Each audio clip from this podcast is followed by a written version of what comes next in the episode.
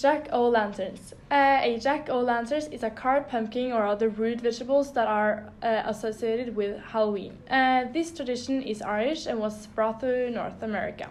Uh, the original jack o' lanterns was not made of pumpkin but of turnips because pumpkins did not exist in Ireland at that time.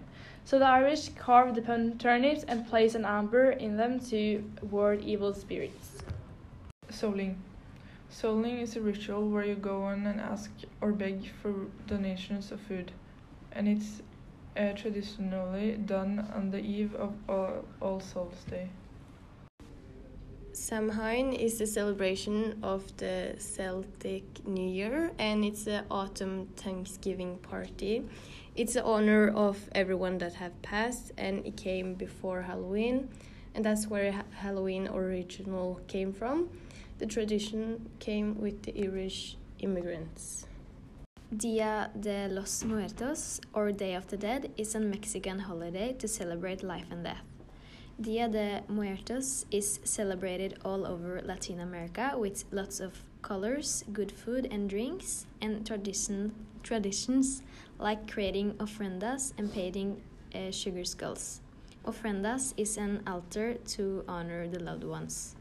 Many people choose to dress up as calaveras or sugar skulls to celebrate the holiday. Devil's Night is on October 30th, the night before Halloween. Devil's Night dates from as early as the 1940s and is associated with criminal behavior such as pranks and vandalism caused by the city's youth. Angels Night is a response to Devil's Night. It is a volunteer led anti arson campaign to make the night before Halloween safer since the violence has escalated through the years. Salem was a small city in Massachusetts. Uh, hearings and rumors say that a series of witch trials took place there between February 1692 and May 1693. Over 200 people were accused for being witches and 30 were found guilty. 19 of them were executed and the rest rotted in prison.